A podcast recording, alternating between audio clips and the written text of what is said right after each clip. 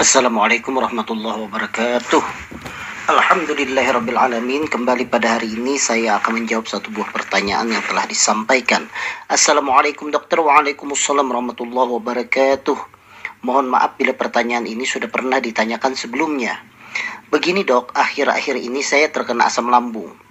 Yang mau saya tanyakan Satu, apa yang memicu munculnya asam lambung Dua, apa yang harus dihindari agar asam lambung tidak makin parah? Tiga, makanan apa yang bagus dikonsumsi oleh penderita asam lambung? Empat, obat apa yang disarankan untuk mengatasi asam lambung? Terima kasih atas jawabannya dok. Wassalamualaikum warahmatullahi wabarakatuh dari Bapak Muhammad Sofian. Baik Bapak Muhammad Sofian, terima kasih banyak atas pertanyaannya. Memang kadang pertanyaan ini sudah ada beberapa yang ditanyakan, cuman karena redaksinya agak berbeda, jadi saya tertarik untuk menjawabnya. Jadi saya akan memperbaiki persepsi dulu ya, jadi terdapat mispersepsi terhadap yang namanya asam lambung. Asam lambung itu adalah suatu cairan yang diproduksi oleh lambung melalui suatu sel yang disebut dengan suatu sel parietal lambung. Sel ini akan mengeluarkan asam lambung dalam bentuk hidrogen jadi dalam bentuk ion H yang akan bertemu dengan Cl, klorida sehingga menjadi HCl. Kita mengenanya dengan asam lambung. Siapa yang memicu sel parietal tersebut untuk mengeluarkan proton tersebut atau ion hidrogen tersebut? Yang memicu itu adalah hormon gastrin. Jadi di dalam tubuh kita terdapat namanya hormon gastrin. Hormon gastrin itu sendiri dikeluarkan apabila kita mendapatkan suatu e, rangsang. Bisa misalnya karena ada makanan yang masuk maka hormon gastrin akan memerintahkan sel varietal untuk mengeluarkan suatu ion proton yaitu hidrogen yang bertemu dengan klorida yang menjadi asam lambung. Atau karena misalnya karena adanya suatu zat yang kita konsumsi. Misalnya zat yang memicu epinefrin sehingga epinefrin itu nantinya juga akan merangsang mengeluarkan asam lambung. Jadi yang namanya asam lambung itu sebenarnya bagus uh, Bapak Sofian. Kenapa bagus? Fungsinya adalah asam lambung itu ketika dia itu mengenai makanan yang kita makan, yang pertama dia akan membunuh kuman-kuman yang masuk pada saat kita makan. Kita ketahui bersama bahwa makanan yang kita makan maupun tangan yang kita gunakan untuk makan itu tidak 100% steril. Pasti ada kuman yang masuk. Nah, asam lambung itu sebenarnya yang membunuh kuman tersebut agar mati. Kalau seandainya kuman itu tidak dibunuh, yang terjadi nanti akan terjadi gangguan pencernaan bahkan kita menjadi sakit infeksi. Kemudian yang kedua dia juga membantu memecah protein selain adanya in, enzim di dalam lambung yang memecah protein dia juga membantu untuk mempercepat pemecahan protein sehingga protein itu bisa diserap di dalam tubuh dan ketika diserap di dalam tubuh dia digunakan untuk membangun tubuh. Jadi kita garis bawahi dulu bahwa sebenarnya asam lambung itu baik ya. Jadi kalau tadi saya sekaligus menjawab pertanyaan yang pertama, apa yang memicu munculnya munculnya asam lambung? Munculnya asam lambung itu dipicu dari makanan justru. Karena makanan yang kita makan, maka asam lambung itu keluar. Nah, kenapa orang sering mengatakan bahwa asam lambung itu berbahaya? Yang berbahaya itu bukan karena gara-gara asam lambungnya, tetapi karena faktor pertahanan di lambung kita yang tidak tahan terhadap peningkatan asam lambung sehingga kita terjadi nyeri. Kita menyebutnya dengan mah atau dalam bahasa kedokteran gangguan pencernaan itu disebut dengan sindroma dispepsia atau kalau sudah ada iritasi pada dinding lambung dia disebut dengan gastritis. Nah, itu permasalahannya.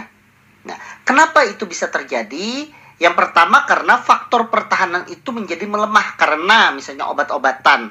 Ada obat-obat tertentu yang menyebabkan pertahanan dari dinding lambung itu menjadi melemah. Atau misalnya ada juga obat-obatan yang menyebabkan produksi asam lambung itu menjadi sangat meningkat. Atau misalnya asam lambung itu sebenarnya diproduksi terus-menerus walaupun dalam jumlah sedikit tetapi kalau seandainya perut kita kosong, maka yang terjadi asam lambung itu justru akan menyerang balik dinding lambung sehingga menyebabkan mah. Jadi itu yang e, menyebabkan asam lambung itu meningkat secara berlebihan dan menyebabkan gangguan pada seseorang.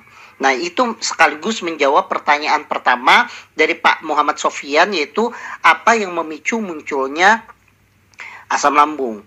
Kemudian yang kedua, apa yang harus dihindari agar asam lambung tidak semakin parah? Oke, baik.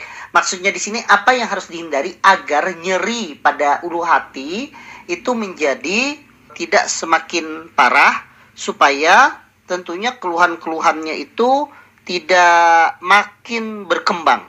Nah, kalau itu maka yang bisa saya jawab tentunya yang pertama adalah kita harus makan yang teratur. Makan yang teratur itu tentunya adalah dengan makan makanan yang tidak mengiritasi lambung seperti yang pedas, yang asam, ya tentunya itu. Kemudian yang kedua, kita hindari untuk mengonsumsi um, minuman bersoda, ya. Bahkan pada beberapa produk tertentu itu ada minuman bersodanya dia dicampur dengan kafein itu juga akan memicu meningkatnya asam lambung yang menyebabkan iritasi pada dinding lambung. Kemudian yang ketiga, kita juga hindari mengonsumsi teh ataupun kopi pada saat perut kosong karena itu juga akan memicu nyerinya pada dinding lambung akibat dari peningkatan dari asam lambung. Kemudian yang selanjutnya untuk obat-obat tertentu, tidak semua obat ya, obat tertentu itu seperti obat anti nyeri itu harus dikonsumsi sesudah makan. Karena obat ini juga punya efek meningkatkan asam lambung sehingga kalau seandainya dikonsumsi sebelum makan atau tidak makan itu akan menyebabkan nyeri pada lambung ya. Kemudian uh, ada juga beberapa yang mengatakan bahwa paling tidak itu 2 sampai 3 jam itu tidak makan sebelum tidur. Ya karena pada saat kita makan sebelum tidur itu akan menyebabkan asam lambungnya itu malah naik ke esofagus yang justru esofagus itu kerongkongan ya. Karena posisi kita berbaring, kepala yang rata dengan perut dan asam lambung meningkat karena makan, dia naik. Nah, itu bisa menyebabkan nyeri pada dada yang juga akan menyebabkan perasaan diri kita menjadi tidak enak. Kemudian e, batasi asupan coklat. Walaupun coklat itu yang asli itu bagus untuk jantung, tetapi juga coklat ini juga tidak terlalu bagus untuk lambung kalau seandainya kita konsumsi berlebihan. Ya.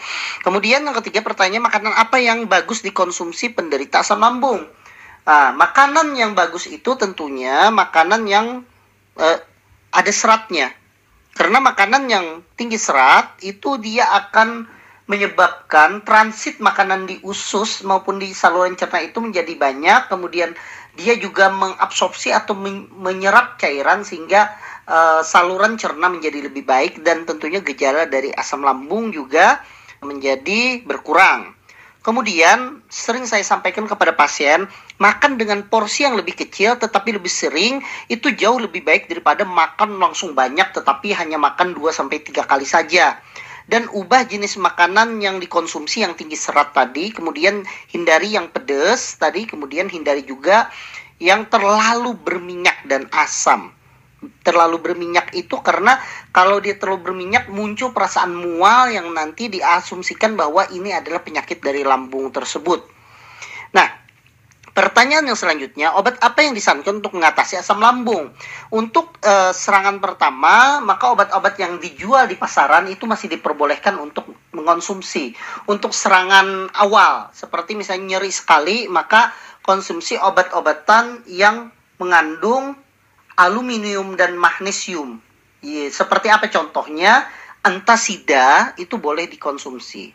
Kalau seandainya tidak membaik, maka segera untuk ke dokter untuk mendapatkan obat-obatan yang lebih selektif lagi untuk diberikan sesuai dengan pemeriksaan dokter yang mana yang bermasalah pada penyakit berlebihnya asam lambung yang menyebabkan nyeri pada Pak Sofian.